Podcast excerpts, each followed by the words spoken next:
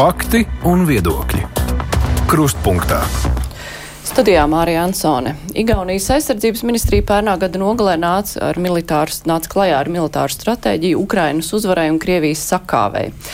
Tas ir dokuments diskusijai par to, kā sagatavot panākumiem transatlantisko aizsardzību. Tur ir iztirzāts visnotaļ konkrētas lietas, tajā skaitā par to, kāda militārā tehnika Ukraiņiem nepieciešama, cik izmaksātu tās saražošana, un pēc igauņa aplēsēm, ja ASV un Eiropas militārā ražošana darbosies nepieciešamajā tempā, Krievija zaudēs 2-3 gadu laikā. Vai sabiedrotajiem varētu izdoties vienoties par dokumentā minētajām tēzēm, kā tas viss ierakstās kontekstā ar atbalsta kavēšanos un NATO brīdinājumiem par to, ka Krievija agri vai vēlu uzbruks tās dalību valstīm? Par to mēs diskutēsim šodien. Mūsu studijā ir aizsardzības ministrijas parlamentārais sekretārs Atis Švinka. Labdien! Labdien! Ģeopolitikas pētījuma centra direktors Mārs Ančāns. Labdien! Sveiki! Latvijas Nacionālās aizsardzības akadēmijas drošības un strateģiskās pētniecības centra vadošais pētnieks Jānis Bērziņš. Labdien! labdien. Un Austrum Eiropas politikas pētījuma centra pētnieks Armants Astukevičs. Labdien! Labdien! Cik lielā mērā vispār rietumos ir eh, skaidrs, ko nozīmē Ukrainas uzvara un Krievijas sakā, vai ir kaut kāda tāda vienprātība par to, Ančānkungs? Domāju, ka ir eh, vienprātība. Protams, ka rietumos tas, kā rēķinām, aptuveni 40-50 valstis no 200 eh, aptuveni, cik ir uz pasaules virsmas, bet, protams, atšķirās resursu daudzums ko valsts velta un var veltīt. Bet nu, tā koalīcija, kāda viņa ir, gan kas Rāmsteinā, gan arī ārpus tās, viennozīmīgi tika uzskatīts, ka Ukraiņai ir jāuzvar. Ideālā gadījumā eh, izspiežot eh, katru pēdējo Krievijas karavīru eh, no visas Ukraiņas teritorijas, tos no Krimas. Ukrainai ir jāatgūst visas savas teritorijas, un kam ir jānotiek ar Krieviju? Krievijas liktenis tālākais tur gan nav vienprātības. Domāju, ka vairākums no rietumvalstīm uzskata, ka Krievija nav jāpazemo un Krievijai nav jāsabrūk. Protams, ir valstis, kas vēlētos kaut ko vairāk. Tāpēc domāju, tur ir tāda nu, nevienprātības dēļ, bet tas domāju, nav tik būtiski, kas notiek ar Krieviju. Tādā nu, uzvaras, Ukraiņas uzvaras gadījumā svarīgākais, lai Ukraiņa uzvar un ideālā gadījumā atbrīvo visu savu teritoriju. Kā Igauni raksta savā ziņojumā, 18% pēc uh, viņu aprēķiniem, un ne tikai viņu teritoriju, ko Krievija ir okupējusi Ukrajinā, piektā daļa no visas Ukrainas. Vai šis Krievijas jautājums, ja mēs runājam par Ukrainas uh, uzvaru, vai tas ir izslēdzams no tā kopīgā strateģiskā redzējuma? Jo viena lieta ir izdzīt Krieviju laukā un, no Ukrainas un ļautai turpināt uh, kāpināt savu militāro potenciālu un gatavoties jauniem iebrukumiem, un cita lieta ir sakaut Krieviju, nu tā, ka tā nespēja atgūties. Eh, vai par to ir jādomā rietumiem vai nav, vai par to tiek domāts vai netiek, Pērsiņkungs? Es domāju, ka šī iespēja pilnībā nu, sagraut Krieviju, ka tā vairs nevarētu neko darīt un pakļauties uz rietumu strateģiskajiem nosacījumiem, es domāju, ka neviens tā nedomā. Īstenībā, ko mēs redzam, ir tā, ka tiesa rietumu partneri ir, ir pat, nu, var teikt, kā, kā Anģena kungs teica, pati nu, uzmanīgi, lai tiešām lai nepazemotu Krieviju. Bet, uh, tāda ziņa um, jautājums paliek, vai nu, ko nozīmē uzvara. Jo īstenībā, ja mēs nodefinēsim, ka uzvara tiešām ir dabūt visus Krievijas spēkus prom no Ukrainas, atgūt visas teritorijas un tā tālāk, tas tiešām tas ir diezgan nopietnis, tas ir diezgan tāds nu, liels darbs, teiksim tā, un e, ar ļoti lielam izmaksām, un e, kas proti tas ir atkarīgi no. no no rietumu militāras industriālās uh, kapacitātes, bet Krievija tajā pašā laikā vismaz ņemt vērā visu to, ko, Krievi, ko Krievija raksta par saviem strateģiskajiem mērķiem. Viņi, nu, Es domāju, ka var mēģināt sakaut viņus, bet viņi turpinās mēģināt attīstīt visas spējas, lai pēc tam sasniegtu Krievijas strateģiskos mērķus. Un līdz ar to jājautā jums ir, vai viņi kaut kur pazudīs. Tā skaitā, ja ar pilnu uh, uh, zaudējumu Ukraina, viņi nekur nepazudīs. Viņi mēģinās uh, atgriezties. Tas būs laika jautājums, no nu, dažu gadu vai, vai desmit gadu jautājums, bet viņi būs atpakaļ. Askaiškungs, par rietumu redzējumu, jā, ja mēs, vai rietumu skatās tikai, nu, tik tālu, lai Ukraina tiktu atbrīvota, vai arī soli tālāk par to, lai mēs varētu nu, neutralizēt Krieviju tās tālākajās vēlmēs uh, izplesties.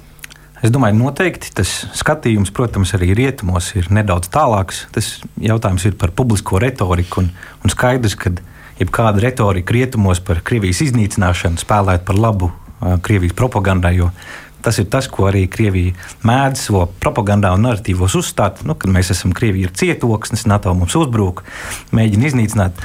Līdz ar to šādas sarunas, protams, no rietumu puses būtu kontraproduktīvas.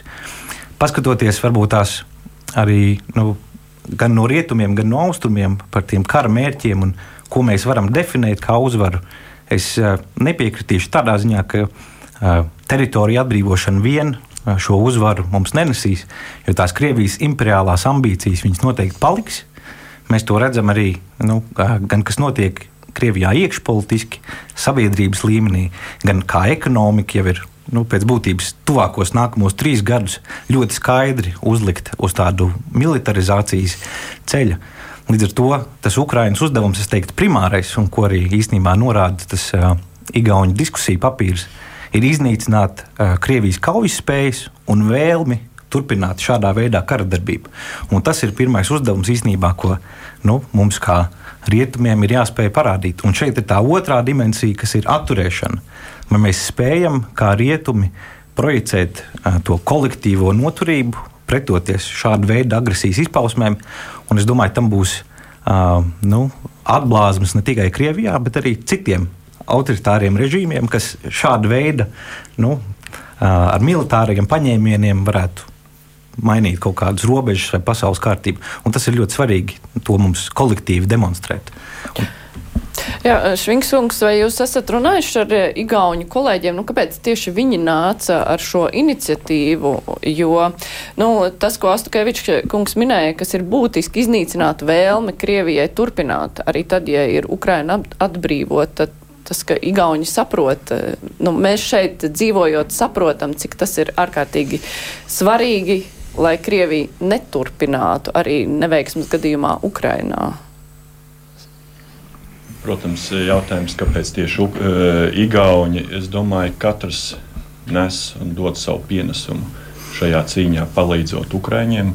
Un, Un, lai arī Krievija tiktu sakauta, un e, Igaunijas iniciatīva vis, visnotaļ apsveicama, bet e, gan Latvija, gan Lietuva, gan Polija, gan pārējās valsts arī dod katru savu pienesumu, un katrs mazākais elements, kas tiek izdarīts, ir, ir, e, ir labs. Un, e, Es domāju, arī ka e, sarunas notiek nepārtraukti. Ministrs tiekās dažādos formātos. Pagājušajā nedēļā bija Baltijas aizsardzības ministru tikšanās eh, tika definēta vienošanās par kopīgu Baltijas aizsardzības līniju.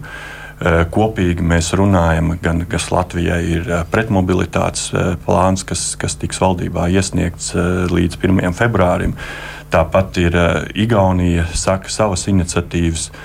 Un atbalsts Ukrainai, Baltijas valsts ir viens no lielākajiem. Latvija ir 1% no iekšzemes koprodukta E, devusi savu ieguldījumu. Šajā dokumentā arī šis bija viens no elementiem, ka Rāmsteins formāts kopumā vidēji dod 0,2%. Un, ja šeit tika salīdzināts nobeigumā, ja dotu kaut vai 0,25%, tad naudas apjomā, finansējuma apjomā tas būtu milzīgs, kas dotu šo pagriezienu elementu. Un e, šie katrs izlēmīgais solis tomēr dot šo pagrieziena punktu. Ja mēs salīdzinām šī dokumenta iznākšanu 17. decembrī un šodien ir 23. janvāris, tad mēs jau redzam, ka mēs, eh, ka netiek jau vairs runāts par uh, palīdzības līmeņa saglabāšanu, bet šobrīd jau ir palielinājums. Katra valsts atsevišķi un kopā dod savu pienesumu ar saviem elementiem, kas uh, nu, līdzīgi kā šeit ir aprakstīts, dot papildus palīdzību Ukrainai un lai Krievija tiktu sakauta. Bet nu, šis igauņu signāls nu, sabiedroto vidū, tas ir uztverts pareizi.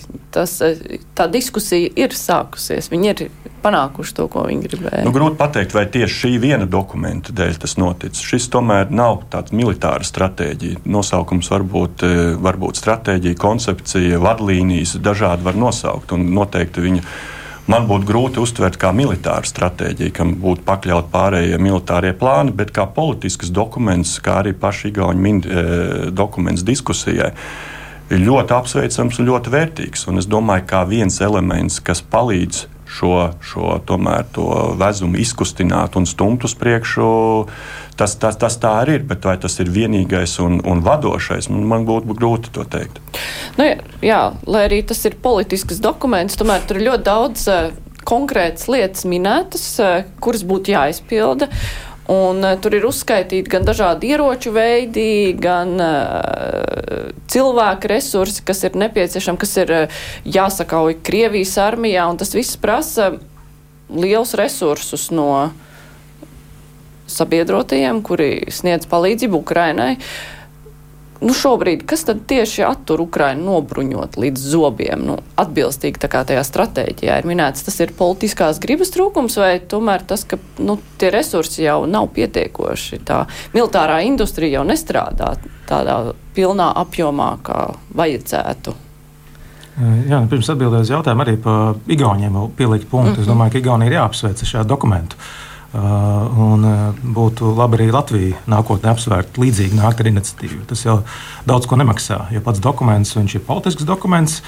Um, nu, Igauni ir labi zināmi, ka viņi ir daudz labāki komunikācijā Baltijā starp līderiem, savu digitālajiem jautājumiem, kiberdrošības jautājumiem. Šeit viņi atkal nu, politiski iznāk ar labu tēlu, cepur nost Igaunijas priekšā par šo soli.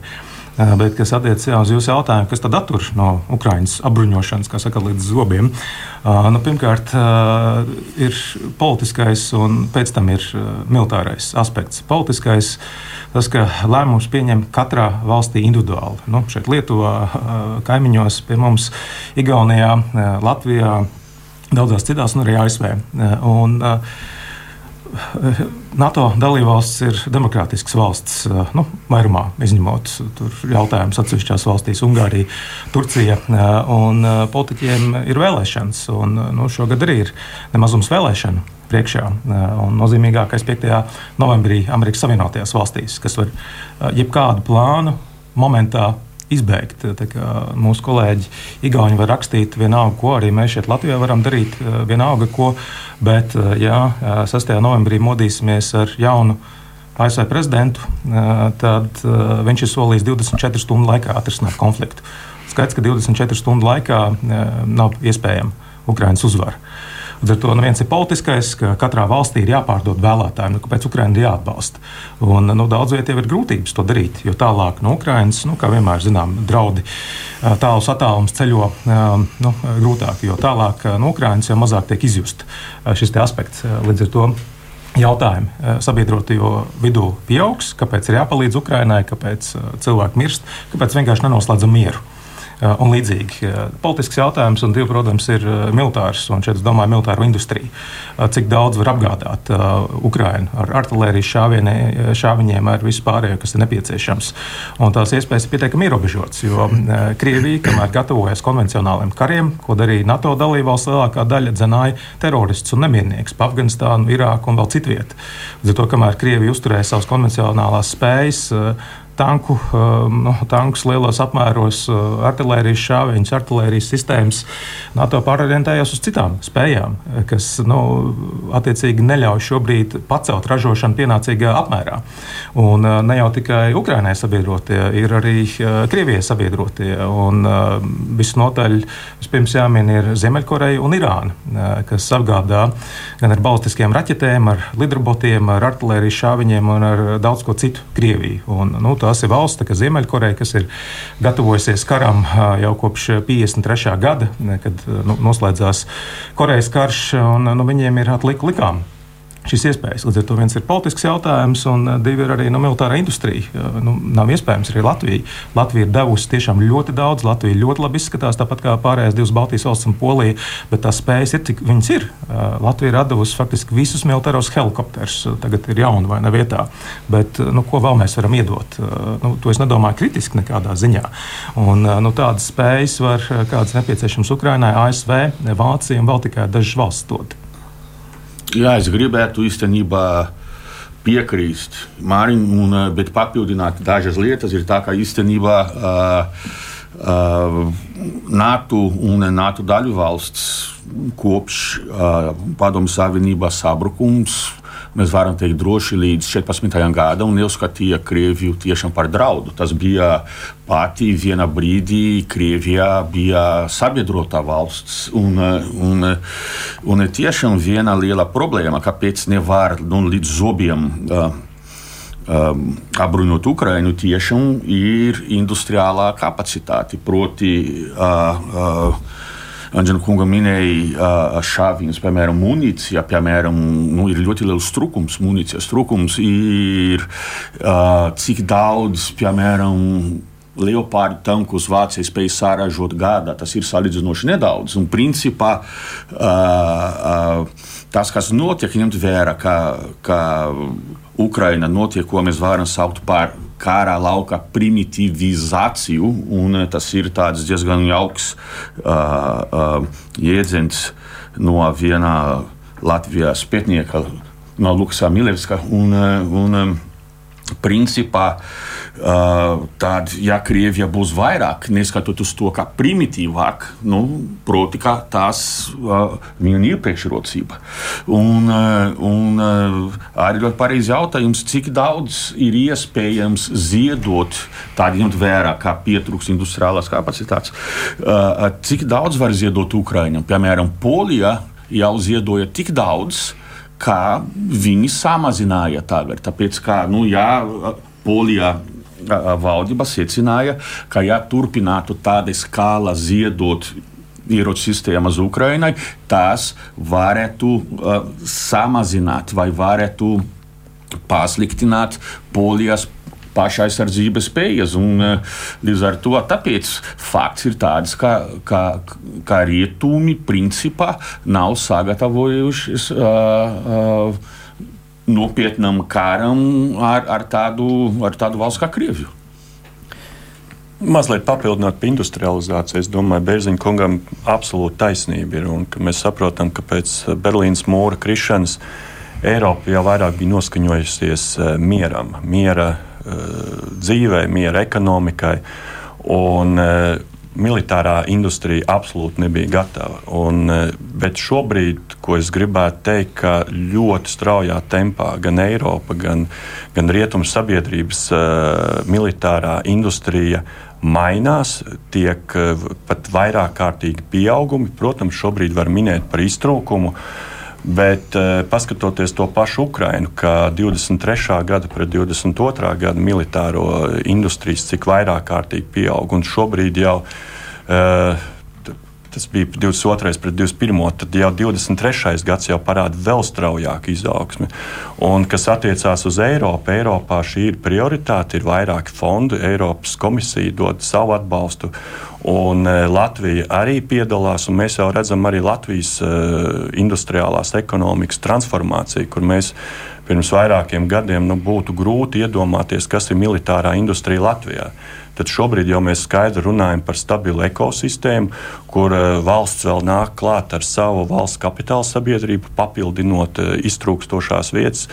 Tas nenotiek tikai Latvijā, tāpēc eh, var gaidīt pat ļoti īsā laikā militārās industrijas attīstību, kas arī, kā šajā Igaunijas dokumentā minēts, varētu mainīt šo trajektoriju un arī būtu kā elements, kas palīdzētu, viens no elementiem, kas palīdzētu Ukraiņas uzvarā un Krievijas sakāvē. Nu, Igaunijas dokumentā ir minēts 25. gads, līdz kuram varētu to uzraut augšā šo ražošanu. Tas ir realistiski? Jā, tas notiek, un tas notiek jau pagājušā gada beigās. Ir programmas, ir eh, industrijas, tiek, eh, tiek runāts par konkrētām nozarēm. Munīcijas ir droši vien pirmais, kas, kas ir. Uh, Un pārējais, kas jau notiek tā transformācija, un jau 24. gadā būs milzīgi nu, industrijas pieauguma rezultāti. Tas nozīmē, ka kopumā ir nu, veidojas tāds cerīgs skats, jo jau šobrīd nevar palīdzēt Ukrainai, tāpēc ka nav īsti ar ko tas var mainīties arī šī gada laikā. Es domāju, mums ir pamats būt optimistiskiem, un bieži vien arī, kad mēs runājam, nu, salīdzinot ar Eiropas Savienību, ar NATO pret, pret Krieviju, mēs nedaudz romantiski varbūt tās iespējams skatāmies uz Krieviju, jo nu, mēs daudz ko, eh, kas notiek tur, neredzam. Un īstenībā, ja mēs paskatāmies datos un to, kā Krievija iet gan ar eh, šo ražošanu, militāro industriju, gan ar ekonomiku, nu, patiesībā tā, tā aina nemaz nav tik rožaina. Tas, kas ir Krievijas priekšrocība, ir tieši tā, kā arī Jānis minēja, tas, ka jau ilgstoši nu, ir uzkrātas šīs spējas, ko ir iespējams izmantot, bet tā ražošanas kapacitāte nu, Krievijai nav tik augsta, lai ilgstoši spētu pretoties tādam ekonomiskam blokam, iepratim, kas ir daudz, daudzas reizes lielāks nekā NATO. Un, un tādā ziņā es teiktu, ka mums ir pamats būt optimistiskiem, jo arī to, ko mēs redzam tajā Krievijas militārā ražošanā, bieži vien nu, tā ir uh, nu, tajos datos. Mēs pieņemsim tā spēja uzražot pilnīgi jaunu tanku no kā īstenībā ir salīdzinoši maza. Un šeit ir gan Eiropas Savienības noteiktais sankciju efekts, gan, gan, gan citi. Un līdz ar to bieži vien tā ir vienkārši atremontēta vecā tehnika, modernizēta un palaista atpakaļ, atpakaļ tirgu.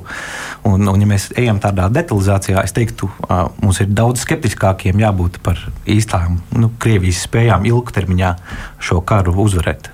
Un īstenībā pa, ir pilnīgi pareizi, jo, jo, lai karotu, vajag resursus, un vajag nu, stipru ekonomiku, vajag in, industriālu kapacitāti un tā tālāk. Un, principā Krievijā sankciju dēļ, un es teiktu, ka, ka, ka sankcijām vajadzētu būt daudz stiprākam, tā skaitā vajadzētu papildināt sārakstu ar, ar citām. Uh, elektroniskām prēsēm un tā tālāk, ko Krievija izmanto, bet sankciju dēļ, piemēram, T-72 tanku transmisija sistēmā ir atpakaļ pie tā, kas bija padomju laikos. Piemēram, viņi, viņi proti, ir tādi, nosauksim to par demodernizāciju, un, un vai, vai arī var izmantot primitivizāciju.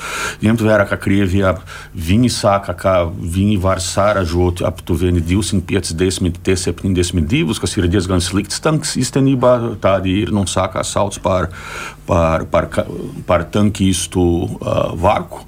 Ir, ir zināms, iemieris, bet, bet uh, tādā ziņā man liekas, ka Krievijas ekonomika neatbilst Krievijas stratēģiskajām ambīcijām. Es esmu uzrakstījis par to, un, un, un, un līdz ar to es esmu optimists arī tādā ziņā, ka ņemtu vērā, ka Krievijai šobrīd ir jāpārdod gāzi un naftu galvenokārt Ķīnai un Indijai, un, un šīs valsts tomēr maksā daudz lētāk nekā, nekā Eiropa maksā. Ir, ir zināmas uh, struktūrālas izmaksas, piemēram, lai, lai, lai virzītu gāzi un naftu no Eiropas uz turieni, kas nav īsti izdevīgi Krievijai. Uh, Krievija šobrīd vairāk nekā viena trešā daļa no budžeta ir tiešām militāram. Uh, uh, um, militārai virzienai. Un, un mēs redzam, ka šobrīd notiek visādas problēmas, struktūrālas problēmas, uh, apkūris problēmas un, un citas lietas.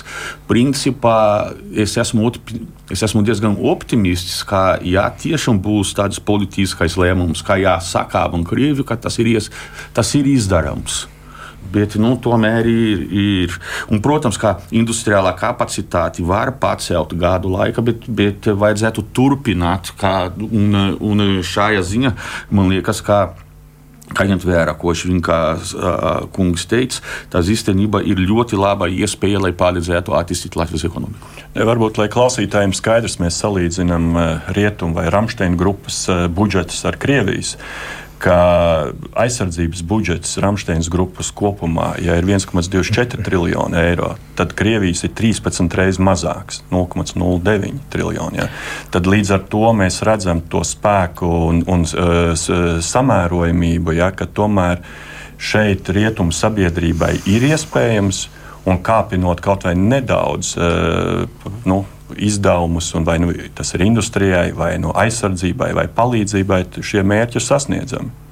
Bet jā, par šī, šīs 13 reizes lielākais budžets, tas izklausās nu, ļoti droši un nu, droši mūsu drošībai labi. Bet, ja, ja var kaut kādā veidā iezīmēt, nu, lai cilvēkiem ir priekšstats, nu, kā tas budžets izpaužās, nu, tādā ziņā, ka tās ir mūsu, tas ir jau esošās kaujas spējas, vai tas ir kaut kas, kas kaut kur tiek ražots vai ieguldīts, vai tas ir, nu, tas, ko mēs varam jau sniegt eh, kaut kādā palīdzībā Ukraiņiem lielākā. Jo no vienas puses eh, mēs sakam, jā, mums trūkst ražošanas, mums nav ko dot. No otras puses eh, mēs sakam, mums ir tik milzīgi budžeti aizsardzībai. Kāpēc nevar atlicināt no tā vairāk Ukrainai? Ja, nu, Latvija jau pierādījis, Latvija ļoti daudz atlicina. Ja ir viens procents sniegšanas koprodukta, tad patiešām tiek uh, atrasts uh, konkrēti vai nu, palīdzību, ko, ko sniegt. Bet budžets ir, protams, lielā mērā ir kaujaspējas. Savas arī mums ir jāsaprot, arī Latvijas kaujaspējas tiek kāpināts. Latvijai ir savas prioritātes militārajā un arī aizsardzības nozarē, un mēs varam runāt par saviem mājas darbiem. Un, nu, viss jau nav tā, ka Latvijas mājas darbs ir tikai un vienīgi Ukraiņas. Latvijai ir savu mājas darbu stiprināt drošību, un šie elementi ir ļoti daudz, sākot ar valsts aizsardzības mācību, valsts aizsardzības dienestu, sēlīs poligonu reģionu robežu stiprināšana, industrijas kāpināšana, kaujaspējas e, stiprināšana, kāpināšana. Un šo sarakstu var turpināt un turpināt. Un katrai valstī šādas ir, kur pa, e, virsmu visam ir tomēr iespējams palīdzēt arī Ukrainai. Jā, bet īstenībā es pilnīgi piekrītu, ka tiešām Latvijas aizsardzības budžets ir nu, principā liederīgi izterēts. Bet ir citas valsts, ja runa ir par citām valstīm, es neminēšu konkrētas konkrēts, bet principā daļa ir valsts NATO sistēma, kuras, uh, uh, kuru aizsardzības budžets viena ievērojama daļa uh, izterē ar augam un uh, ar, ar sociālām garantijām, ar, ar pensiju fondiem un tā tālāk.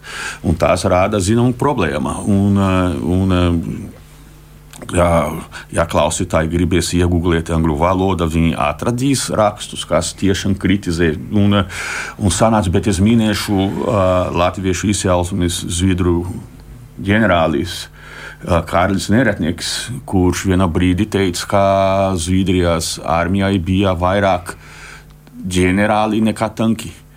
Un e, tāda ziņa tās, tās vēlreiz tās atspoguļo to, to iepriekšēju teiktu, ka neviens īsti neuztvērā Krievijas par nopietnu uh, uh, draudu, varbūt izņemot Baltijas valsts un, un Poliju, bet nu, pārējie un, un Somijā, bet pārējie it kā nē.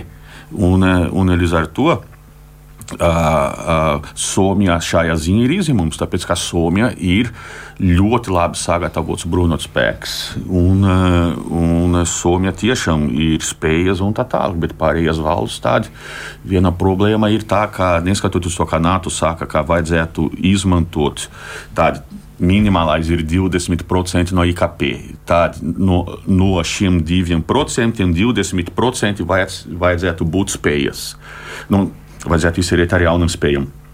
Bet, eh, bet eh, īsti tas nenotika. Un, eh, un mēs, Balti, sav, esam savādāki, bet, bet citas valstis tiešām klibo. Ir par ko papildināt par šo? Jā, varbūt nedaudz realitātes vairāk ienesot tajā visā. Skaidrs, ka Igaunijas dokuments ir ideālistisks. Uh, Uh, un, uh, ja mēs raugamies uz uh, nu, tiem kopskaitļiem, protams, aizsardzības budžeta loģiskā, NATO 31, 32 valstu aizsardzības budžets ir daudz lielāks par Krieviju. Bet nu, jāatcerās, ka katrai valstī ir savas vajadzības. ASV militārais budžets tur ap 4%. Viņi palīdz Izrēlai. Palīdz uh, Taivānai? Tagad uh, tiek veikti triecieni pa hutnamiernieku pozīcijām Jemenā. Uh, ASV ir daudz bāzu dažādās vietās pasaulē, tostarp Japānā, Dienvidkorejā, līdzīgi arī viena cita valsts - Luksemburga, Spānija, apvienoto karalisti, katrai savas vajadzības. Un, tāpēc nevar gluži likt vienā maisā, ne, ka redz, kur ir NATO bloks ar milzu izdevumiem, jo tas viss jau nav vērsts pret Krieviju un nekad nebūs. Katrai valstī ir savas vajadzības. Tāpēc domāju, ka tur uzmanīgāk nedaudz jāpieiet, interpretējot šos datus. Un, kas attiecas uz Krieviju, tad, protams, jācer uz labāko, to, ka būs labākais scenārijs, bet jābūt gataviem arī ļaunākam scenārijam.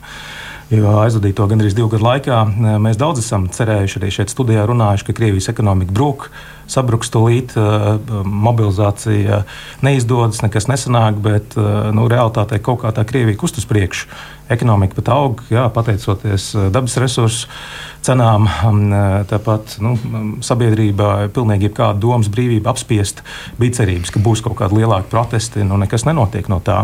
Krievija kust uz priekšu. Labi, bruņojums arī nav tik moderns, bet atkal ir draugi. Tāpat Ziemeļkoreja, Irāna, kas palīdz. Un atcerēsimies pagājušā gada nogalē ģenerāļa Zalūžņī, tad Ukraiņas bruņoto spēku virspavēlnieku rakstīja to Dīkanomistu, proti, ka ir karā strupceļš, un viņš neredz uh, iespēju tuvākajā laikā, ka varētu būt ātrs un skaists izrāviens, jo no, notikusi tik strauja tehnoloģiska attīstība, ka kaujas lauks ir pilnīgi pārredzams. Tā no vienas puses tiešām ir primitīvs, uh, nu, kaujas metodas savā ziņā, otrais pasaules karš, bet no otras puses ir pilnībā pārredzams ar lidrobotu palīdzību pamatā.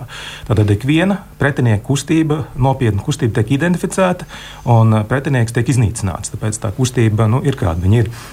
Protams, optimistiskais scenārijs, ka Ukraiņa virzās uz priekšu, bet nu, jābūt gataviem arī tādam nu, nedaudz nelāgākam scenārijam, proti, to, ka Krievija šogad uzsāka masīvu uzbrukumu Ukraiņai vēlreiz mēģina uh, virzīties, ja ne uz Kijevu, tad uh, viennozīmīgi uz Harkivu. Un, uh, nu, Ukraiņas uh, pusē, protams, ir satraukums, īpaši Kupjanskas virzienā par to, ka Krievija tur koncentrē milzīgus spēkus. Un, uh, nu, Krievija nav demokrātiska valsts, un nedemokrātiskām valstīm ir daudz vieglāk karot. Tām nav jāatskaitās sabiedrībai. Cilvēks var vienkārši mobilizēt. Uh, Ukrainā eh, arī, protams, mēģina Ukraiņu pacelt uh, bruņoto spēku izmēru, uh, bet tas arī nav tik vienkārši, jo nu, pietiekami daudz ir izvairās. Uh, dodoties uz ārzemēm, tāpēc arī nevēl diskusijas par to, kur valsts palīdzēs vai nepalīdzēs sūtīt atpakaļ Ukrāņus, lai stiprinātu bruņotos spēkus. Tāpēc nu, jābūt gataviem domāju, dažādiem scenārijiem. Ceram tiešām uz to labāko, bet jāraugās ar atvērtām acīm uz to, kas notiek gan Krievijā, gan ārpus tās. Jā, un tādā ziņā es gribētu ātri uh, uh, uh, papildināt jautājumu par budžetu. Protams, ka, ja mēs skatām tīri ekonomiski, Krievijai ir citas ražošanas izmaksas un, un operacionālas izmaksas nekā NATO. Piemēram, es došu vienu piemēru. Uh, Irākā uh, kara pirms, nu, principā pirms 20 gadiem, var atkarīgi no vietas, viens litrs dīzelis, nu, viens litrs degviela ja, maksāja aptuveni 400 dolārus. Tāpēc, ka bija visas izmaksas, lai tas sasniegtu nu tiešām frontu front un tā tālāk. Un tādā ziņā jāskatās, piemēram, par, par budžetu, to, ka Krievija spēja saražot vienu T-72. Nu, šo, nu, šo tanku cena ir aptuveni 2,5 miljoni dolāru. Un, kamēr viens Abrams pilna komplektācija būs starp 15 un 20. Un, mūsu izmaksas arī ir krietni dārgākas. Un tad nākamais jautājums ir, vai tas tiešām uh, tas rezultē priekšrocības kara lauka? Jā, tas rezultē rezultēja priekšrocības kara lauka, bet uh, Ukrainas gadījumā ņemt vērā primitiv, primitivizāciju īstenībā tādi no nu, vairāk sanāca labāk. Un tāpēc mums jārisina tiešām šo jautājumu, un tas ir laika, laika jautājums, jo tās industriālās spējas tomēr attīstās. Bet nu, tas uzsvers, kas ir Igauni izstrādātajā dokumentā, ir uz to, ka rietumiem vajag intensificēt atbalstu Ukrainai, lai Ukraina var intensīvi uh, uh, uzbrukt Krievijai, un nu, nevis Krievijai kā valstī, bet savā teritorijā mēģināt atkarot uh, savas. Uh, savas zemes un novainot pēc iespējas radīt zaudējumus Krievijas karaspēkam, un tad Krievijas militārā industrija, Krievijas ekonomika nevarēs tādā tempā atgūties nu, šī intensifikācija ir tas galvenais akcents. Jautājums ir, vai rietumi ir gatavi inten, nu, intensificēt savu atbalstu tik ļoti. Es domāju, ka zilonis telpa ir, ir bailīs no kodolkara.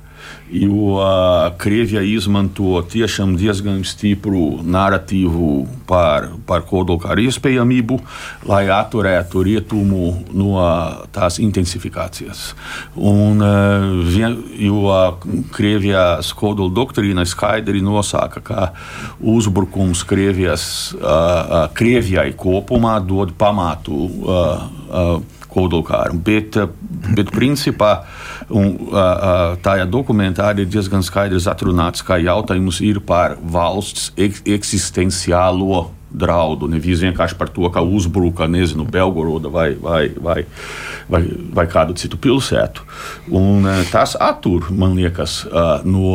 no no intensifikācijas. Tādēļ līdz ar to šis, šis ir jautājums, par ko arī man liekas, ka vajadzētu. Uh, uh, plašāk diskutēt, lai saprastu, vai tiešām šis kodola kara draudz ir nopietns, vai vienkārši ir daļa no Krievijas atturēšanas. Ņemt vērā Krievijas atturēšanas stratēģiju, proti, ir uh, uh, rietumos atturēšana, ir, ir parasti ir, ir, ir, ir sods vai. vai vai noslēgt, vai tā kā, kā neļauj, ne? Bet Krievijas viens galvenais instruments atturēšanai ir draudi. Un, e, kā mafija, piemēram, es draudēju, ka, ka būs tev slikti, nu, kaut kā tā, un, e, un ir atturēšana ar draudiem. Un e, tas, tas strādāja līdz šim. Jā, piekrītu, bet jāatzīst arī, ka mums tomēr ir vismaz pēdējā gada laikā šī kodola retorika no Krievijas ir stipri mazinājusies. Viņa bija kara sākumā, un acīm redzami, redzot, ka tas nestrādā, Krievija manāmi meklē jaunus narratīvus, un šobrīd arī vairāk fokusējoties tieši uz kaut kādām specifiskām NATO vājībām. Un to mēs varam redzēt arī uh, nu, šajā stāstā par Baltijas valsts drošību, kur mēs bieži vien runājam par to, ka Baltija būs nākamie. Šis arī ir viens no tiem narratīviem īstenībā, kas spēlē Krievijas labā. Un tas rezonē labāk, iespējams, nekā kodola draudi. Bet uh, varbūt tās par to stāstu, kāpēc mēs nevaram identificēt uh, to atbalstu Ukrainai tik lielā mērā, kā mēs vēlētos. Un, man liekas, jau raidījuma sākumā tie divi faktori bija skaidri minēti. Viens ir Eiropā mums, nu, mēs esam ierobežoti ar to, ko mēs varam iedot. Un ASV mums ir vienkārši ir politiskā diskusija, kur tas ir iestrēdzis, un, un, un tur mēs nevaram izkustēties. Es domāju, ilgtermiņā, un te ir tas nozīmīgākais, ne tikai kas arī tajā papīrā ir minēts par to, ka mēs stabili uh, ieguldam Ukraiņas aizsardzībā 0,25%, bet stāsts par 2% NATO, kas ir minimums. Jo jebkādas spējas radīt, uzturēt, un pēc tam um, arī to pašu industriju uzturēt, ir vajadzīgi ļoti stabili un skaidri ieguldījumi. Un šobrīd NATO ir tikai pāris, nu, mazākā daļa valstu šo kritēriju izpildi. Attiecībā uz Ukrajinu. Uh, teiktu, tas, kas varbūt tās šajā diskusijā iztrūkst, ir mm, tomēr arī skats no Ukrainas iekšienes, kur arī ir šīs vairākas jomas, kur mēs varam vērot problēmas, kur varbūt tās, tā, tas skats nav tik optimistisks. Viens ir šis stāsts par mobilizāciju, tīri jautājums par to, vai ir ko mobilizēt. Un, un no šīs diskusijas Ukrainā iekš, Ukrainas iekšienē ir ļoti sarežģītas. Mēs redzam, jau, ka šobrīd tas vidējais vecums uh, Ukraiņas karavīram ir virs 40, nu, ap, aptuveni. Un līdz ar to mēs redzam, ka tas, protams, tam ir ietekme arī uz kaujas spējām, uz to, nu, cik daudz mēs varam ieguldīt šajā apmācībā un, un, un, un, un, un, un, un, un cik efektīvi tā ir. Jo mums ir jaunāks karavīrs, jo tomēr nu, tās ir citas iespējas. Un līdz ar to šis mobilizācijas jautājums būs ļoti sarežģīts. Un, ja to nespēs Ukraiņa atrisināt, tad nu, ar visām rietumu tehnoloģijām to jebkurā gadījumā nevarēs atrisināt. Un šeit ir nu, gan jautājums par vecuma ierobežojumiem, gan dažādām kategorijām, uz kurām neatiecās mobilizācija. Pieņemsim, uz iekšlietu darbiniekiem. Arī šāda diskusija ir bijusi par to, ka nu, kaut kādas kategorijas iespējams var mobilizēt. Otrs stāsts, eh, es teiktu, attiecībā uz Ukrajinu ir tīri iekšpolitiskie mājas darbi, ko mēs it īpaši varam dzirdēt no ASV uh, tos pārmetumus par korupciju, iekšējo drošību. Un tas ir uh, godīgi jautājums, kas ir jāatzīst, kur nevienmēr Ukraina. Nu, Kur ir šīs problēmas, un, un tās ir jārisina. Un mēs redzam, ka arī salīdzinoši augstā, augstos līmeņos šie korupcijas gadījumi tiek atklāti, bet arī ļoti mazos. Tā ir skaitā ar, ar to pašu mobilizāciju, ar izvairīšanos. Un, un šie ir jautājumi, kas ir jārisina, lai Ukraiņa spētu pārliecināt pārējos sabiedrotos, ka nu, šo, viņi karu var uzvarēt.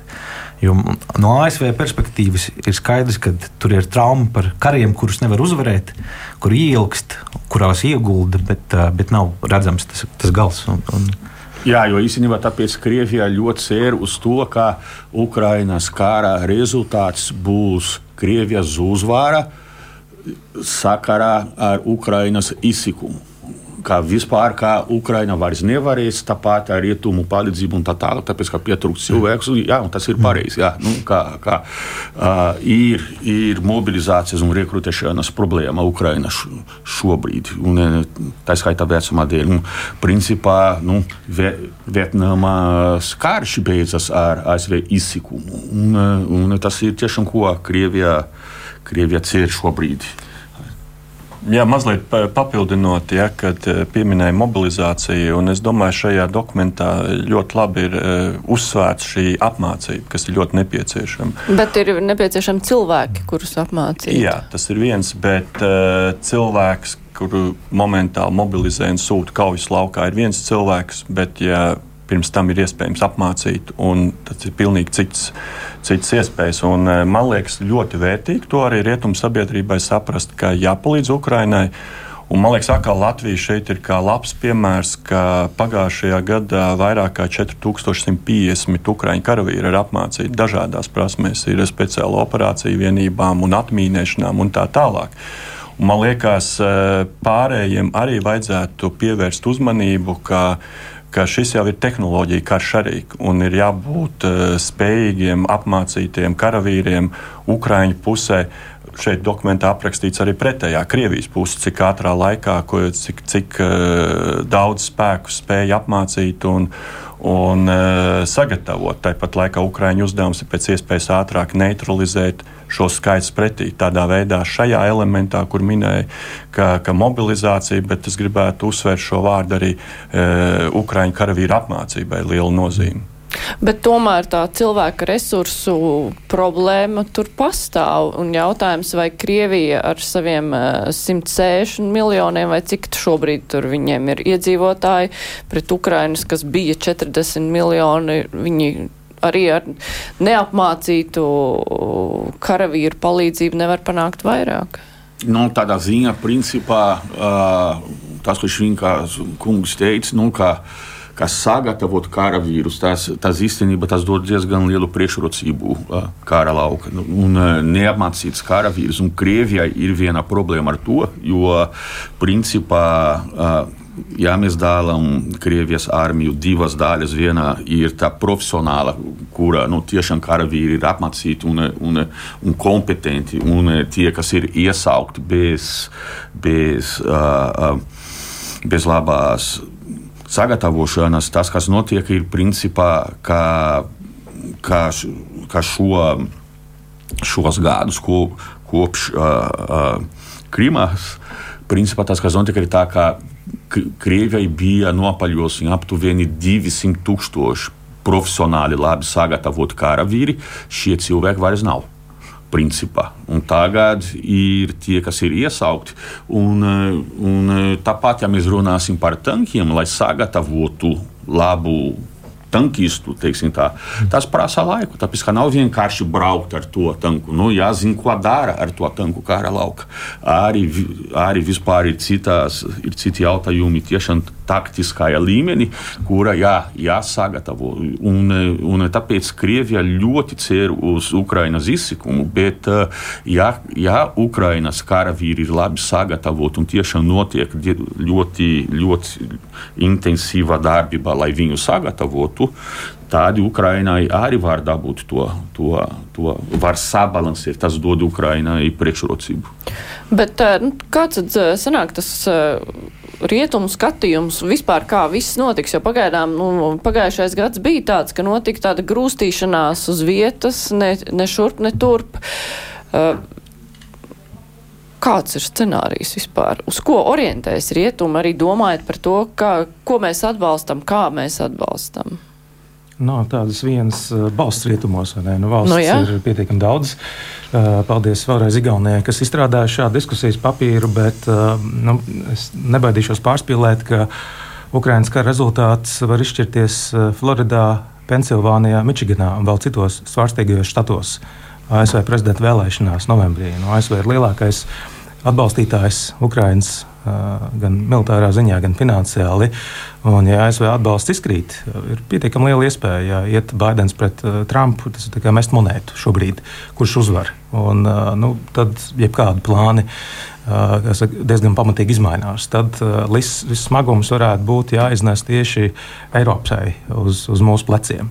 Un tas nozīmē, Latvijas gadījumā, nu, ka Ukraiņai neveltīta viena IKP, bet varbūt divas trīs, četrus aizsardzībai, celt straujāk, pieci, seši. Tā kā, domāju, nu, jārēķinās ar arī tādiem scenārijiem. Un, Līdz ar to vēlēšanas, protams, arī citvietā, apvienotajā karalistē būs vēlēšanas. Tur ir diezgan droši, ka konservatīvie zaudēs vietu valdībā. Visticamāk, laboristi nāks pie varas. Nu, viņa pozīcija visticamāk tik ļoti neatšķirsies. Nu, Eiropas parlamenta vēlēšanas tur mazāk nozīmes. Ah, vēl citas vēlēšanas, Krievijā. Ah, arī vēlēšanas Krievijā, bet domāju, Krievijā visi zina, eh, kā sauks eh, uzvarētāju. Ne, visi to zina, kā sauks uzvarētāju, bet varbūt uzvarētājiem eh, nu, nevajadzēs kaut ko pierādīt tik daudz kā pirms vēlēšanām. Domāju, ka uzvarētājs viennozīmīgi gaidīs vismaz ASV prezidenta vēlēšanas, jo nu, ne jau Putins dēļ vēlēšanām dzīvo. Vēlēšanas Krievijā tāds kā rituāls, kas ik pa pāris gadiem ir jāiziet, nu, tā tāds leģitimizācijas rituāls, kur paskatīties, cik sabiedrība atbalsta. Protams, tiek noteikti nu, nedaudz uzlaboti rezultāti, maigi sakot, un nu, nekāda opozīcija nopietni netiek pielaista. Bet es nedomāju, ka nu, ar vēlēšanām martā Krievijā viss pēkšņi beigsies. Domāju, pašam Putinam tas ir goda jautājums un vispār no viņa vīzijas, kā viņš redz Krieviju un, un, un pasauli. Viennozīmīgi Krievija neapstāsies martā. Tieši iespējams, ka tad pirms vēlēšanām, pirms otrās gada piekdienas var sākt nu, jaunu fāzi karā pret Ukrajinu. Tāpēc arī Ukraina pareizi dara šobrīd vairāk pāriet aizsardzības pozīcijās, veido aizsardzības pozīcijas. Nu, zinot visus šos riskus ar vēlēšanām, tad kā Eiropa uz to visu reaģēs? Jo nu, tad Eiropai pašai arī vajag savas aizsardzības līnijas, dzirdot visus draudus par to, ka, un tajā skaitā arī NATO brīdinājumu, ka 20 gadu laikā Krievija iebruks kādā no NATO valstīm. Tad kā Eiropa reaģē? No aizsardzības līnijām Mēs jau tikko Baltijas dzirdējām, valstis, Baltijas valstis ir jā, domā, un, bet ar to jau nepietiks. Uh, mēs esam nu, robežu valsts. Mēs esam pirmie šajā līnijā, un patiesībā viens ir uh, fiziskā robeža, kam tiek pievērsta milzīga uzmanība, bet otrs ir Latvijas, Baltijas, Polijas balss arī politiskā līmenī, ir, kas šo politiski aiznes pārējām Rietumē Eiropas valstīm par šo nu, vajadzību, nepieciešamību palīdzības kāpināšanu. Un, e, protams, mēs to esam darījuši arī pirms Krievijas pilna mēroga iebrukuma.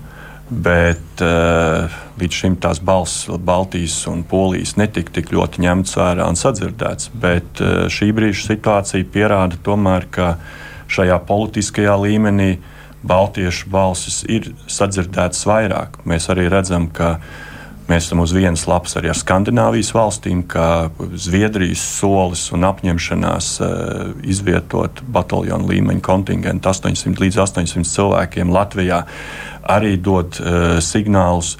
Un ko varbūt uh, sabiedrība dzird dažādas retorikas par uh, par no politiķiem vai ekspertiem par, par, eh, par kaut kādiem tūlītējām briesmām no Krievijas. Iespējams, tas vairāk ir iekšpolitiski pamodināt savu sabiedrību, ko jau šeit studijā minēja, ka dažās valstīs ir pagurums, ka, ka ir šaubas, ir diskusija, vai to vajadzētu darīt, cik ilgi, tad fronte turās uz vietas, vai kaut ko nevar saprast.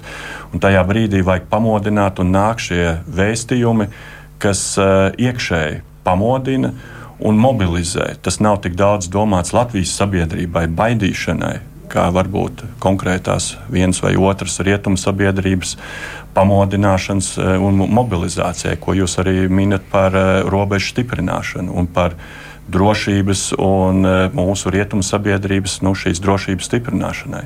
Jā, bet bez tam, jā, pilnīgi pareizi.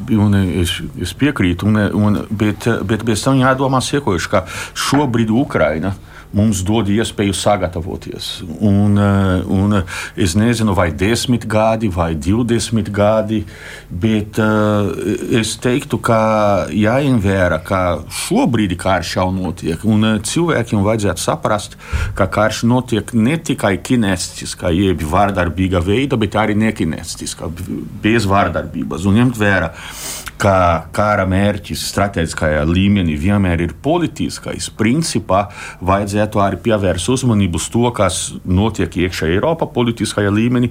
Tas, tas, tas būtu nepieciešams tiešām pievērst lielāku uzmanību uz, uz kognitīvo kara darbību, uz tādām operācijām, piemēram, kā ietekmes operācijām, politisko kara darbību un tā tālāk. Un, un, Un, principā, ja mēs redzam, kas notika Ukrajinā, Krievija aprēķināja, ka ņemt vērā izlūkošanas dati, kas bija nepareizi, bija maldinoši. Krievija bija pārliecināta, ka bija diezgan viegli, nu, ka dažu dienu laikā viss tik būtu, būtu atrisināts, nevis nu, ilgtermiņā uh, karš. Un, un īstenībā tas, kas tāda Eiropa, pieņemsim, ka Eiropa būtu tāda politiskā situācija, kas būtu labvēlīga Krievijas strateģiskajā līmenī, tas arī mudinātu Krieviju uh, uzbrukt. Tāpēc, ka tāda ziņa. Tāpat kā ar šo eskalāciju uh, uh, Ukrainā, tas tā doma ir tā, ka nevis viņi uzbruk, bet viņi uh, palīdz atbrīvot no kaut kā, no, no, no Ukrainas gadījuma, no, no nacistiem. Uh, Eiropas gadījumā varētu būt no, no, no graujošiem, dek, dekadentiem. Uh, rietumu vērtībām un tā tālāk. Un, un, tā. Tad šis politiskais aspekts ir, ir arī ļoti svarīgs. Pusotru minūti palikusi, vai mēs varam nonākt līdz brīdim, kad uh, Eiropā nu, saprot, Ukrainai nevaram vairs palīdzēt, bruņojamies paši, lai aizsargātos no Krievijas. Ir jau valstis, kas to dara, un tās, protams, ir šeit Baltijas valsts, Polija, Zviedrija. Bet mēs Somija. neesam nolaiduši rokas attiecībā uz Ukrainu. Nē, mēs neesam, bet jārēķinās, ka vienmēr nebūs visās Eiropas Savienības dalību valstīs vienota izpratne. Domāju, ļoti labi, ka Baltija virza šo te, nu, kopējo drošības aizsardzības iniciatīvu, un domāju, būtu vēl jākāpina. Arī mums jāsāk kaša, katram pašam ar sevi. Šodien pirmais obligātais iesaukums valsts aizsardzības dienestā. Domāju, ka tur arī ir jāraugās uz Igaunijas Lietuvas piemēru ar nu, nevis dažiem simtiem, bet 3-4 tūkstoši jāiesauc gadu laikā. Jo, nu, kā, kā slavenais teiciens saka, vēlēs mieru, gatavojies karam. Īs, īsa piebilde ir? Nav. Var tikai piekrist, un, un tas stāsts jau par, par to, ka mēs būsim gatavāki pretoties Krievijai, jo tas vairāk arī atturēs. Un, uh, es teiktu, svarīgi tieši kontekstā par karu ar NATO atminēties, ka nu, tās imperiālās ambīcijas jau Krievijas nebeidzās ar NATO. Mums ir daudzas citas robežu valstis, kuras Krievijai ir interesantas, un arī šā Ukraiņas sakāve nu, ir liels jautājums zīmes uzdod Moldovai, Armēnijai, Grūzijai un daudzām citām valstīm. Un arī tas, jebkurā gadījumā, būtu negatīvs scenārijs. Jā, nu, ar nepārāk optimistisku vairāk realistisku, bet tomēr mazliet uh, kaut kāda cerīga nots arī ieskanējās šajā diskusijā. Katrā ziņā rietumu valstīm ir par ko padomāt kopīgi un cerams, ka tas tiks arī darīts. Diskusijā šodien piedalījās aizsardzības ministrijas parlamentārais sekretārs Atis Švinka, Māris Anģāns, ģeopolitikas pētījuma centra direktors Jānis Bērziņš no Latvijas Nacionālās aizsardzības akadēmijas un Armāns Astukevičs no Austrum Eiropas politikas pētījuma centra. Paldies visiem par dalību! Paldies! Raidījums Krustpunktā izskan, producenta bija Ieva Zēza, studijā Mārija Ansona. Vislab!